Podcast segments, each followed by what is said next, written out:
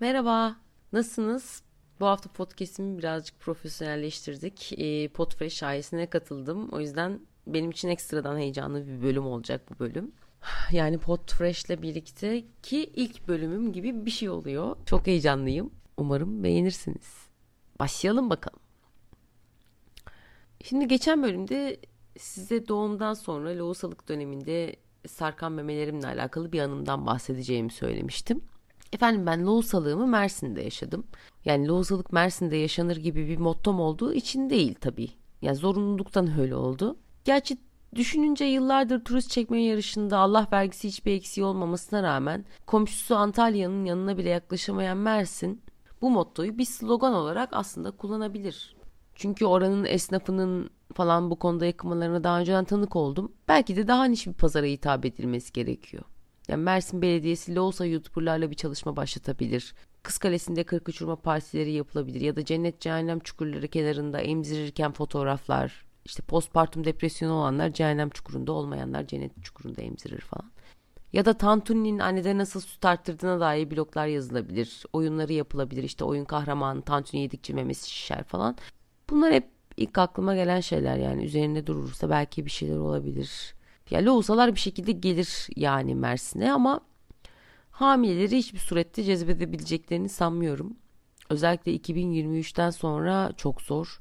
Akkuyu Nükleer Santrali 2023'te açılacak çünkü. Yani bir hamilenin o tarihten sonra huzurlu bir tatil için Mersin'i tercih etmesi imkansız. Tatilin her günü nükleer santralde yaşanacakları tahmin etmeye çalışmakla geçer. Acaba bugün KPSS'de sondan dördüncü olan bir bakan yeğeni yanlışlıkla bir düğmeye basıp da İngilizce bilmediği için ikazları anlamayıp da güvenlik kolunu vaktinde çekemeyip de doğmamış çocuğumun radyasyona maruz kalmasına vesile olur mu? Şüphesiyle günü geçiren hiçbir hamile tatilden zevk alamaz çünkü. Ya belki ekstrem spora düşkün adrenalin tutkunu hamileler zevk alabilir o da o da belki. İşte neyse ben Mersin'deydim lohusalığımda. Annemlerin orada yazdığı var. Ya yazlık dediğime bakmayın. Mimari olarak çok uzak bir kavram yazlık oraya. Hatta distopik bir film vardı. 2072'de mi ne geçiyor böyle dünyada böyle radyasyon var her yerde. Küçücük bir alan radyasyonsuz kalmış. İnsanlar böyle o yüzden o dar bir alanda yaşamak zorunda. 500 katlı binalarda falan yaşıyorlar. İşte çok dar bir alan temiz kaldığı için. Bizim sitenin binaları da aynen o şekilde işte. Ya filmin adı neydi ya? Evet az önce google'ladım filmi. Yargıç Dredd'ti e, filmin adı. Ve ne kadar kıl olduğumu hatırladım filme. ya zaman kaybıydı benim için. Değişik bir filmdi yani. Özetle şöyle. Yani şimdi bu Yargıç Dredd 500 katlı binalarda suçluları hem yakalıyor işte hemen orada ayaküstü bir mahkemeyle cezasını veriyor ve cezalandırıyor. Hem polis hem yargıç hem cellat yetkileri var. Yani Müge Anlı gibi bir şey yargıçtır et. Ve filmden çıkarmamızı istedikleri hani trajedi olarak sundukları şey de şu. Ya yargıçtır et yanlış karar veriyorsa. Filmde üzülmemizi istedikleri şey bu. Ki yanlış hatırlamıyorsam karar verirken de yapay zekadan falan yardım alıyor. Ciddi ciddi sorguluyor, düşünüyor, üzülüyor falan. Yani yargıç diretinin adil olamama ihtimaline takılmamızı istemeleri çok saçma gelmişti bana. Yani insanlar yemeğe çöp bulamıyor. Milletin götündeki don radyasyondan erimiş. Acaba yargıç diret 498. katta 7 kişiyi kesen herifi haksız yere mi cezalandırdı? Bunu sorgulamamı bekliyorlar. O akopolipste polis bulmuşsun, mahkeme bulmuşsun, hakim bulmuşsun bir de beğenmiyorsun. Ya da ben anlamadım filmi yani. Belki bize çekmemişlerdi bu film. Norveç'te falan çekmişlerdir. Neyse konuya giremiyorum. İşte benim yazlıkta dediğim şey de aslında o filmdeki koca koca binalar gibi. Mersin'de yazlıklar nedense o şekil oluyor. 15'er katlı bitişik böyle bloklar A harfinden Z harfine kadar. Üç cepheyi tam- tamamen kapatıyor. Sadece denize bakan cephe açık. Ortada bir de havuz var. Mimari genelde bu şekilde. Instagram'a bulabilirsen fotoğraf koyacağım. Merak edenler oradan bakabilir. Çünkü ben mimari betimlemede aşırı kötüyüm yani. Betimleyeni de anlamıyorum. Kiriş deniyor, avlu deniyor, asma kat, işte parke, seramik, taş. Yani ben bunları beynimde görselleyene kadar salonu anlatıyorsa banyoya geçmiş oluyor anlatan kişi hiç anlamıyorum yani. O yüzden fotoğraf atarım isterseniz. Neyse şimdi o tarz bir sitede normal olarak hiçbir şey sır olarak kalmıyor. Yani çünkü bütün balkonlar birbirine bakıyor. İnsanlar sürekli balkonlarda oturuyor hava sıcak diye ve ortada da havuz var. Havuzda yaz ayları bittiği gibi boşalıyor. Yani Ağustos sonunda falan boşalıyor.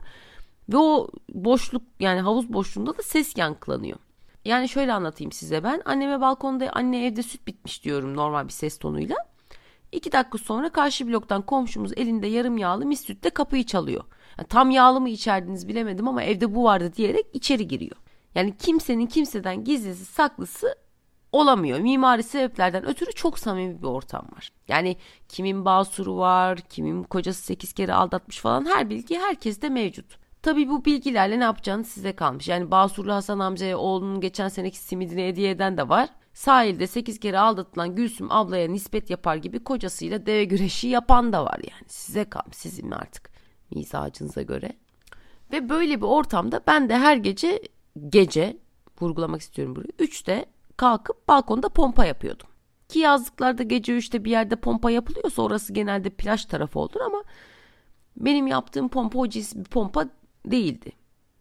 Yani süt pompası ile memenizi pompalamaya da pompa yapmak deniyor. Hatta ben de bilmiyordum. Doktor kontrolünde öğrendim. Yani eşimle doktora gittik doğumdan sonra. Gitmişken bir de meme ağrılarımı sordum. Doktor pompaya başladınız mı dedi. Bir an irkildim. Çünkü doğurduktan sonra hepimizin bildiği anlamdaki pompaya başlamak da bir aşama.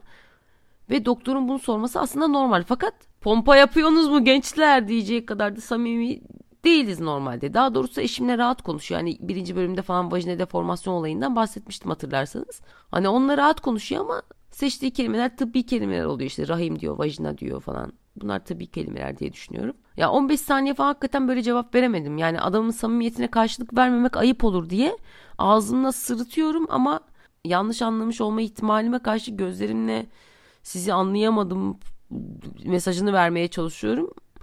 Ama herhalde adam bize samimi olmak istiyor diye düşünmüştüm. Tam diyecektim ki böyle aynı samimiyeti yakalamak için. Başladık ya pram ne sandım falan gibi bir cevap verecektim. E, süt pompasına başladınız mı diye bir daha sordu 15 saniye sonra. Yani süt sağmaya doktorlar bile pompa yapmak deniyor. O yüzden pompa yapmak diyebilirim. Neyse işte her gece 3'te pompa yapıyorum. Çünkü sütün en çok olduğu saatler. Ya çocuk az içtiği için o saatlerde memede sütler birikiyor falan. Neyse teknik detaylara girmeyeceğim. Ve bu pompaları da öyle bir yapıyorlar ki sağ olsunlar. Tamam dört aşamalı. Yani en az çekim gücünden en kuvvetli çekim gücüne doğru gidiyor. Ama ilk üç aşama hiçbir işe yaramıyor. Yani mecbur dördüncü aşamaya geçiyorsunuz. Ama dördüncü aşama da o kadar kuvvetli ki. Sanki kendi mememe sondaj yapıyorum. Yani öyle bir emiş gücü. Ses de acayip tabii.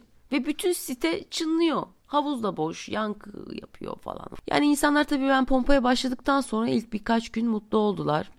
Geleceğe umutla bakmaya başladılar.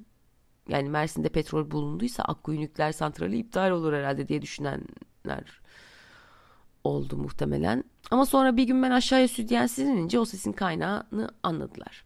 Ya bendeki meme deformasyonunu görenler anladı. Sonra görmeyen, görenler görmeyenleri anlattı. Kulaktan kulağa yayıldı falan.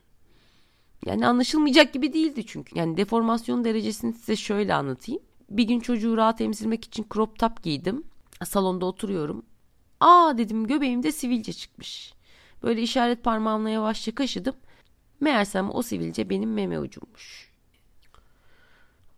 Ama tabii bunlar seni etkilemiyor o dönemde. Yani tek odaklandığı şey bebeğin daha önce defalarca dediğim gibi. Onun memesi sarksa mesela kıyamet kopar ama kendi memenin sarkışı vız gelir tırız gider yani. Hakikaten de anca sivilce çıkmış kadar takarsın o sarkmaya. Zaten ilk 40 gün kendi sorunların söz konusu olduğunda hep low battery modda takıldığın için hani üzerinde durulacak vakit harcanacak bir konu değil meme sarkması. Nedir yani? Hele ilk 40 gün. Ya ilk 40 günkü yorgunluk seviyenizi size şöyle anlatayım. Bir akşam çocuğu zar zor uyutmuşum. Zaten maksimum 7 dakika uyuyor. O 7 dakikada da azıcık uzanayım dedim. Çuval gibi çöktüm koltuğa. Sonra gözüm elime takıldı. Böyle avucumun alt kısmında kahverengi bir leke gördüm. Ve biliyorum ki iki seçenek var. Ya Nescafe ya kaka. Ya hangisi olduğunu anlamak için kokladım. Leke kurumuş olduğu için herhangi bir koku alamadım. Alamayınca yaladım. Hani ayağa kalkayım, elimi yıkayayım ya da en azından doğrulayayım, şuradan bir ıslak mendil alayım falan hiç bunlara girmedim. Direkt yaladım. Yani %50 ihtimal bana yetti. Nedir yani dedim.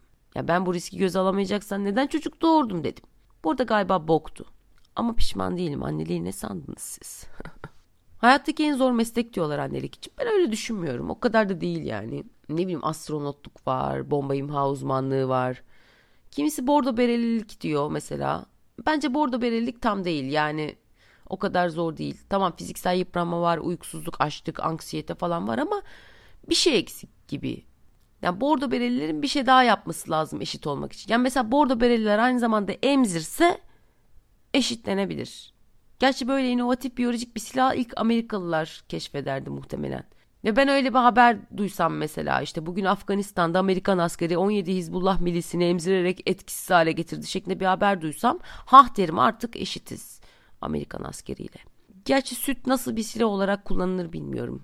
Yani kimyasal silah da olabilir ya da düşmanı emzirip emzirip sana sütümü helal etmiyorum şeklinde hepimizin dönem dönem maruz kaldığı psikolojik bir silah olarak da kullanabilir. Bilmiyorum ama bu haberi duyana kadar Amerikan Navy SEAL'larının anneler kadar zorlandığına kimse beni ikna edemeyecek.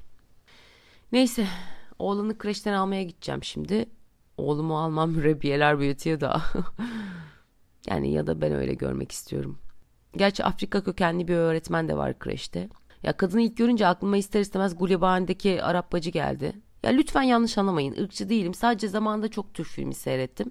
Ya kendimi eski bir Osmanlı köşkünde yaşayan saraya yakın bir paşanın karısı gibi hissetmeme sebebiyet verdi bu. Hani çocuğuma Arap bacılar bakıyor gibilerinden. Bana kızmayın lütfen. Yani gurbette kendinizi önemli hissetmenizin tek yolu biraz hayal gücünü kullanmak. Nihayetinde Türk bir aileyiz biz burada. Dezavantajlarımız var yani. Mesela olaylara tepki verirken gönül rahatlığıyla ağzınıza geleni söyleyemiyorsunuz. Geçen gün çocuğumla ilgilenen öğretmenlerden bir tanesi bana çocuğumun onu çiş yapmak için kandırıp tuvalete götürdüğünü, tuvalete gidince de çiş yapmayıp göbeğiyle oynadığını söyledi. Ben de bir an boş bulunup Allah Allah dedim. Ya aslında boş bulunmadım. Oh my god demek aynı etkiyi yaratmıyor bende. Sanki karşıdakiyle dalga geçiyormuş gibi bir his yaratıyor. Adam bunları ciddi ciddi anlattığı için dalga geçiyormuş gibi gözükmek istemedim. Ve dalga geçtiğimi saklamayı da başardım. Ama Allah Allah lafı öğretmeni biraz korkuttu sanırım. Yani kitlendi birkaç saniye bir şey diyemedi. Ki burası Türkiye'de bir kreş olsa öğretmen kendini iyi hissetsin diye çocuğa yaptığından ötürü kızıyormuşum gibi gözükmek için Allah Allah'la yetinmeyip tövbe estağfurullah az tövbe estağfurullah tövbe tövbe estağfurullah falan derdim ama ağız tadıyla Allah Allah bile diyemezken bunları nasıl söyleyeyim yani. Öğretmene destek çıktığımı göstermek için çok fazla tool yok elimde yani kısaca. Öğretmen olanları anlatırken çocuğa kızgın kızgın bakıyormuş gibi yapmak yeterli olmuyor. Hocanın sırtını sıvazlasam çok samimiyetten hoşlanmıyorlar. Ya çocuğa işaret parmağımla hmm falan yapsam elimden alıp koruyucu bir aileye falan verirler. Ya muhafazan Allah bu aile yıllardır özlemle çocuk bekleyen, yüzlerce teftişten geçmiş kusursuz bir gay couple falan olabilir. Sonra çocuk kavgasız, bağırışmasız bir evde hayatın gerçeklerinden kopuk bir şekilde yetişmek zorunda kalır falan. Elimde bir tek Allah Allah var yani idare etsin yani. Çok mu zor anasını satayım? Alış yani. Allah Allah da alış. Bir sürü Türk yaşıyor burada. Kaç milyon Türk yaşıyor burada yani. Allah Allah deyince de alış. Hemen bomba patlatacağız manasına gelmiyor ki yani.